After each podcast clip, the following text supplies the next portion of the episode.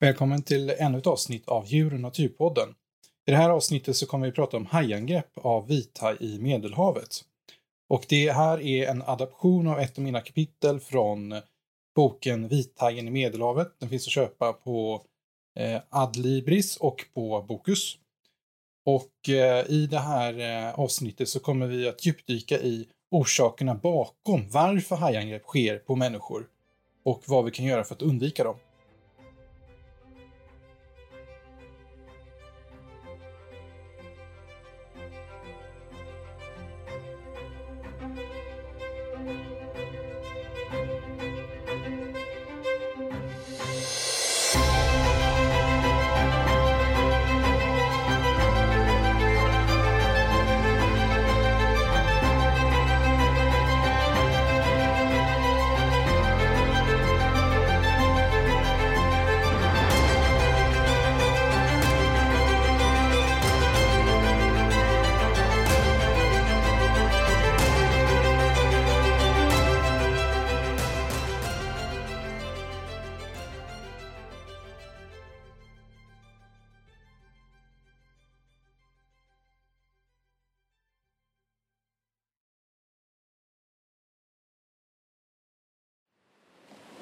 Det var en perfekt morgon för surfning.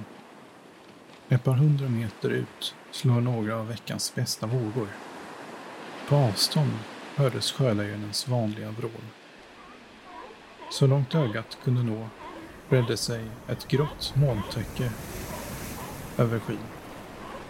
Det duggade lite grann, men det spelade ingen roll för en fanatisk surfare som John. John kastade sig snabbt ner i sin svarta våtdräkt vid sidan av sin jeep. Vågorna skapade ett dis över stranden och vägen ovanför. John joggade ner mot vattnet med surfbrädan under armen. En slags morgonrutin som han själv hittat på för att värma upp sig innan det kalla vattnet fyllde hans våtdräkt. Med ett mjukt plask börjar John paddla med magen på surfbrädan. Vågorna låg 200 meter utanför honom nu. Det skulle inte ta lång tid innan John var framme.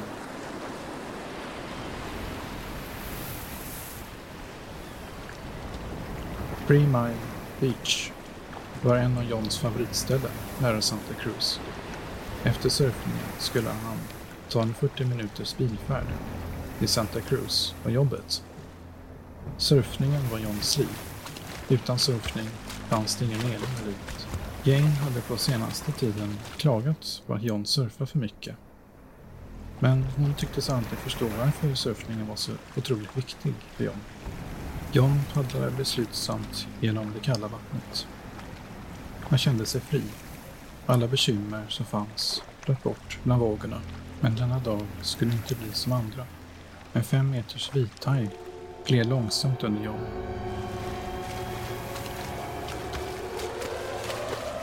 Ovetande om den enorma hajen paddlade John vidare längre ut från stranden. Ovanför flög måsar. Från deras fågelvy kunde de se den massiva vithajshörnan vända. I ett ryck vändes den 1,5 ton tunga fisken. De svarta ögonen och vita såkantade tänderna uppenbarade sig i det svaga solljuset. Under vattnet glög den massiva hajen över havsbotten. Då och då rördes lite sand upp av den stora stjärtfenan efter varje stjärtslag. Hajens uppmärksamhet var vänd upp mot ytan där en till synes välbekant siluett simmade. Två framfenor och två bakben.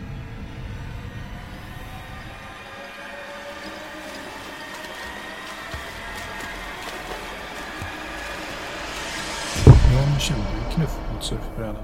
Han knuffades upp några millimeter från brädan. En säl, tänkte jag.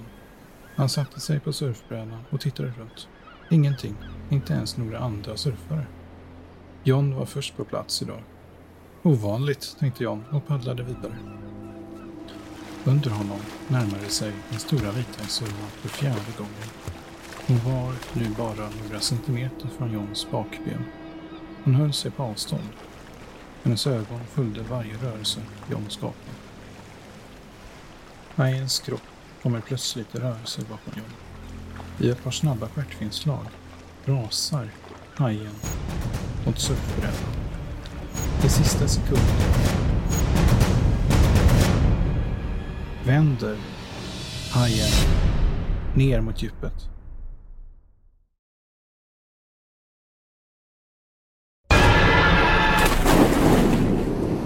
John kastas ner i vattnet. Vithajen skakar från sidan till sida med hans kropp i munnen.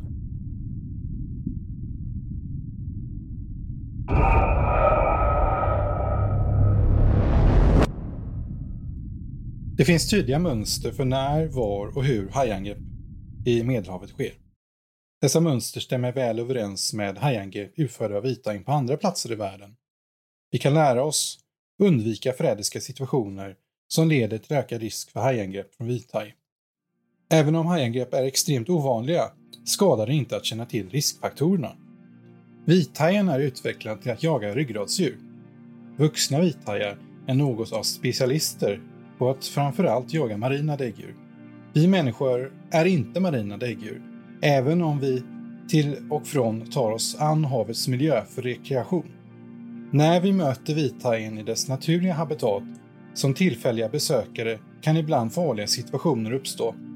Det är under dessa farliga situationer som det blir som mest tydligt att vi är missanpassade till ett liv i havet. Det finns ingen nära evolutionär koppling i näringskedjan mellan människor och vithajen. Människor utgör av evolutionära skäl inte bytesdjur för vithajen.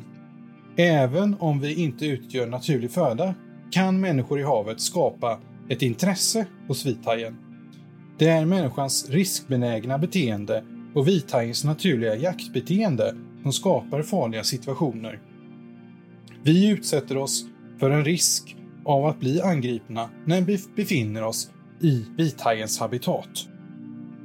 I Medelhavet utgörs vithajens primära föda av delfiner och tonfiskar. Det är snabba bytesdjur. Att jaga kvicka bytesdjur som delfiner och tonfiskar kräver en hög energiåtgång från vithajens sida. Det är därför inte osannolikt att vithajen i Medelhavet tar de möjligheter som kommer av att äta bytesdjur som påminner om dess naturliga föda. För att undvika att hamna i en förrädisk situation bör vi människor undvika vithajens naturliga jaktområden. Hajangrepp utförda av vithajen sker nästan alltid i närheten av sälkolonier.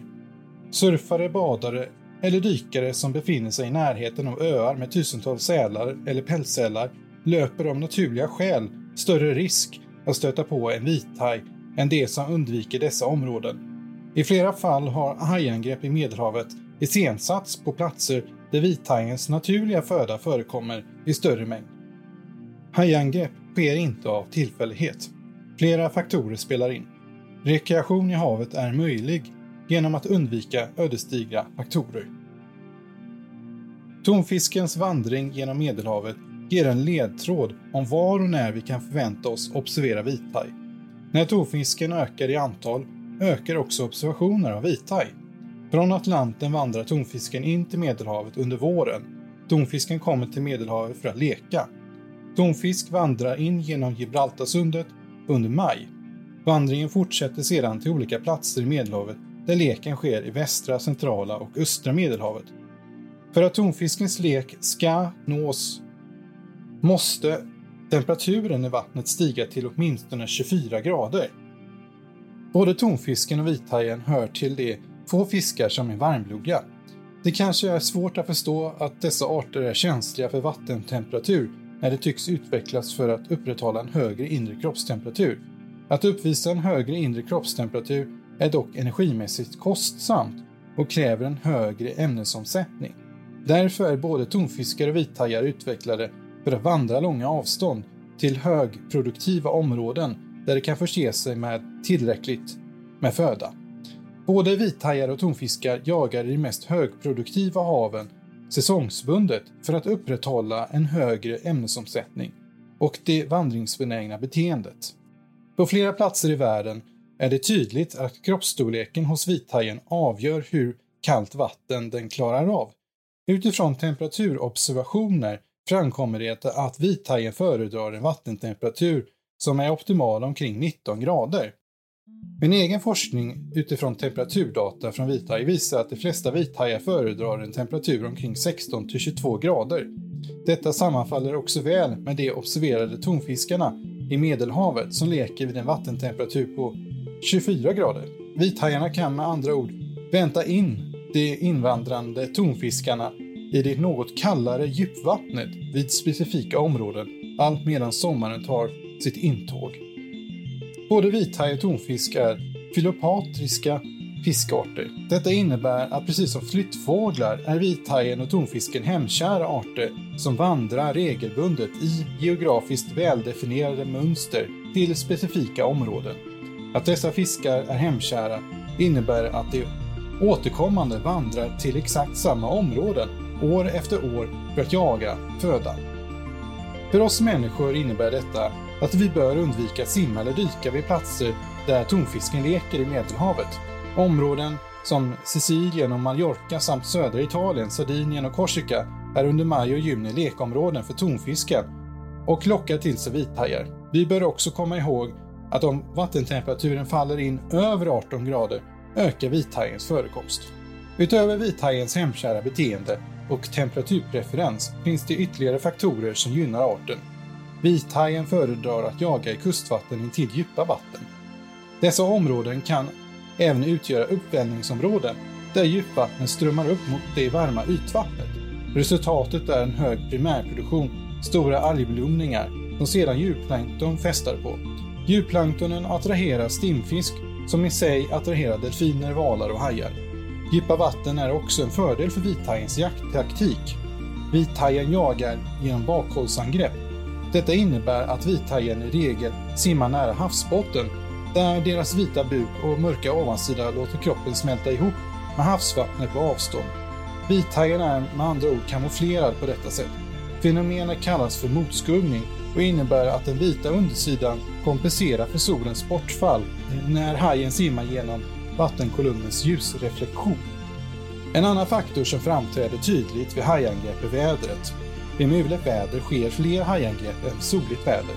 Vid mulet väder kommer mindre ljus ner genom vattenkolumnen, vilket innebär att det blir svårare att upptäcka hajen som simmar under bytesdjuret. Detta medför att vithajen blir mer kamouflerad vid mulet väder. Hajen uppvisar därför ett djärvare beteende, vilket resulterar i ökad risk för hajangrepp. När vithajen jagar simmar den ut med havsbotten och lyssnar efter ljud som påminner om dess bytesdjur. Den simmar därefter upp mot ljudet och gör en visuell inspektion. Dessa visuella bedömningar kanske inte alltid är helt korrekta eftersom hajen riskerar att upptäckas om den kommer för nära. En siluett som ser ut som en säl, tonfisk eller annat stort bytesdjur angrips därför snabbt genom att hajen biter tag i dess kropp. Med ett långsamt närmande kan hajen göra en bättre visuell bedömning av bytesdjuret än om det kommer snabbt underifrån. Hajen riskerar då att upptäckas och därför simmar den istället snabbt mot bytesdjuret, trots att den inte ser bytesdjuret korrekt. Detta kan vara fatalt för människor och andra djur som inte utgör vithajens föda. De många tänderna i vithajens mun är som centimeterlånga knivar ett enda bett kan vara dödligt. Simmande hundar har också angripits av vithajar. I Kalifornien angrips havssuttrar och i Sydafrika sydafrikanska pingviner. Det är faktiskt inte bara djur som blir angripna på detta sätt. Bråten som brädor kan också bli angripna av vithajen. Ibland gör den till och med ett hål i båtar. Vithajen kan simma i hög hastighet in i båtar och även bita genom träbåtar. Det är välkänt att mattor och andra attrapper som påminner om sälar som boxeras bakom burdyksbåtarna i Sydafrika attraherar vithaj. Varför angriper vithajen en mängd olika objekt som inte är ätbara? Under 1980-talet kom en hypotes om orsaken till vad som stimulerar vithajen att angripa objekt. Enligt den amerikanska vithajsforskaren John McCosker angriper vithajen för att den blir stimulerad av en siluett vid vattenytan som påminner om dess naturliga bytesdjur. Vithajen inleder därför ett angrepp av misstag. Denna hypotes skulle också förklara varför just surfare oftast blir angripna av vithajen.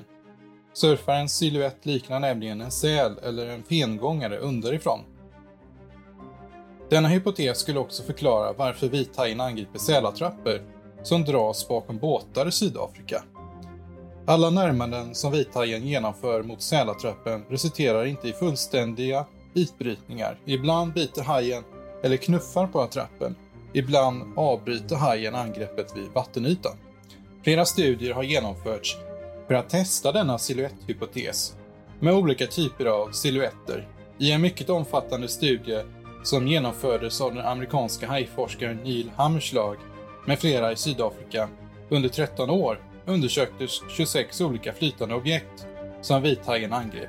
En viktig skillnad mellan angrepp på attrapper i förhållande till sydafrikanska pälssälar var att angreppen mot pälssälarna var snabba, kraftfulla och förödande.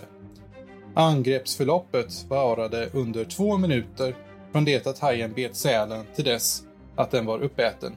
När vithajen angrep och bet på oätliga brädor, mattor och andra flytande objekt som testades pågick angreppet i upp till 25 minuter.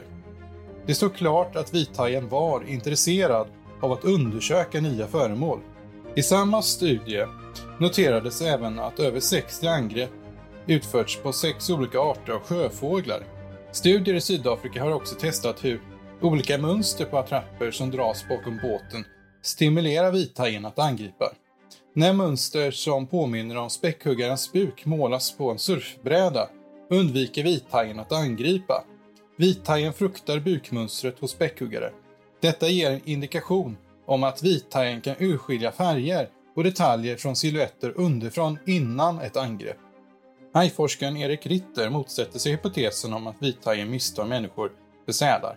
Han menar att vithajen är kapabel till att urskilja mellan en surfare på en surfbräda och en säl. Detta baserar sig på studier av skador på surfbrädor och surfare. I över 70% av fallen är skadorna på surfare ytliga eller måttliga från vithaj. Dessutom orsakades de flesta angreppen från vithaj på surfare av vithajar mellan 2,5 och 3,5 meter, vilket motsvarar juvenila vithajar eller vithajar i puberteten. Dessa vithajar jagar framförallt fiskar i första hand. Vithajen genomgår ett ontogenetiskt födoskifte vid en storlek på omkring 3 meter. Den övergår från att primärt äta benfiskar, hajar och rockor till att jaga marina däggdjur eller andra större bytesdjur som tonfiskar. Vithajens tänder blir breda och triangulära när den uppnår 3 meter eller mer i längd. De långa och kroklika tänderna försvinner, lämpliga för att greppa tag om föda och svälja dem i ett helt stycke som finns hos juveniler. Denna typ av tänder är fördelaktiga om födan enbart utgörs av mindre fiskar som ska sväljas i ett helt stycke. Kroklika tänder förekommer hos vithajens närmaste släktingar, håbranden och mackohajen. Att vithajen skiftar sin föda och förändrar sina tänder innebär också beteendeförändringar. De flesta vithajar som angriper surfare är i regel nybörjare på att jaga större bytesdjur som sälar och fengångare. Dessa vithajar är ovana jägare av marina däggdjur. Det är möjligt att vithajarna testar sig fram. Detta förklarar också varför vithajen vågar testa udda föremål under flera minuter. Eftersom vithajen är en mycket stor rovfisk och har få hot som förekommer mot den, så kan den dra fördelar av att testa nya föremål och djurarter utan att ta större risker. Risken att skadas vid ett undersökande bett är minimal för vithajen då den mestadels är ohotad i de marina ekosystemen. Objekt och djur undersöks därför av vithajen såvida de är harmlösa. När surfare befinner sig i samma område som sälar eller fengångare blir de utsatta för undersökande bett från vithajen som befinner sig i tonårsåldern. Detsamma gäller naturligtvis badare och dykare som också framstår som harmlösa för vithajen. En badande människa har i regel huvudet ovanför vattenytan större delen av tiden och vithajen upplever troligen detta som ett lågriskdjur att angripa. En dykare är långsam och skapar mycket ljud i vattnet. Dykare har dålig visuell uppsikt omkring sig på grund av begränsad rörlighet, speciellt om sikten i vattnet är låg. Även i detta fall upplever sannolikt vithajen risken för att skadas vid ett angrepp som låg. Hajen angriper för att undersöka dykaren. I omkring en fjärdedel av hajangreppen Är den angripande vithajen vuxen? Vithajar över 5 meter är vuxna. När angrepp från en vuxen vithaj sker på en människa är skadorna oftast omfattande. Skadorna kan lätt bli dödliga och kan även innebära total konsumtion av kroppen. Vid hajangrepp angriper vithajen i över 60% av fallen 2-3 gånger. Om angreppet sker från en vithaj som har en tillräckligt stor mun för att svälja en människa kan det innebära att hajen konsumerar personen. Opportunistisk konsumtion av sjöfåglar, havssuttrar och andra djur är rapporterad. Människan utgör inget undantag och i sällsynta fall blir människan uppäten av mycket stora vithajar. Den omstridda frågan om vithajen äter människor eller ej är en känslig fråga. Det är en fråga som kommit att bli polariserad bland marinbiologer. Å ena sidan arbetar hajbiologen med att bevara vithajen från utrotning och propagerar för att vithaj inte utgör ett reellt hot för människan. Å andra sidan dödar vithajen årligen människor vid hajangrepp där kroppen försvinner. Nu tänker jag avslöja den obekväma sanningen de flesta hajbiologer känner till, kunskaper som det talas tyst om. Tack för att du har lyssnat på ett avsnitt av Djur Naturpodden. Och vi kommer fortsätta att eh, fördjupa oss i vithajen och eh, angrepp, men också andra saker som rör vithajens biologi i eh, kommande avsnitt. Du kan läsa mer om vithajen och framförallt vithajen i Medelhavet i min bok Vithajen i Medelhavet som finns på Bokus och Adlibris. De här avsnitten som vi lyssnar på just nu är adaptioner från just den här boken som jag har eh, anpassat till eh, den här podden för att man ska kunna ta del av innehållet till viss del. Nästa avsnitt kommer bli mycket spännande, så missa inte det.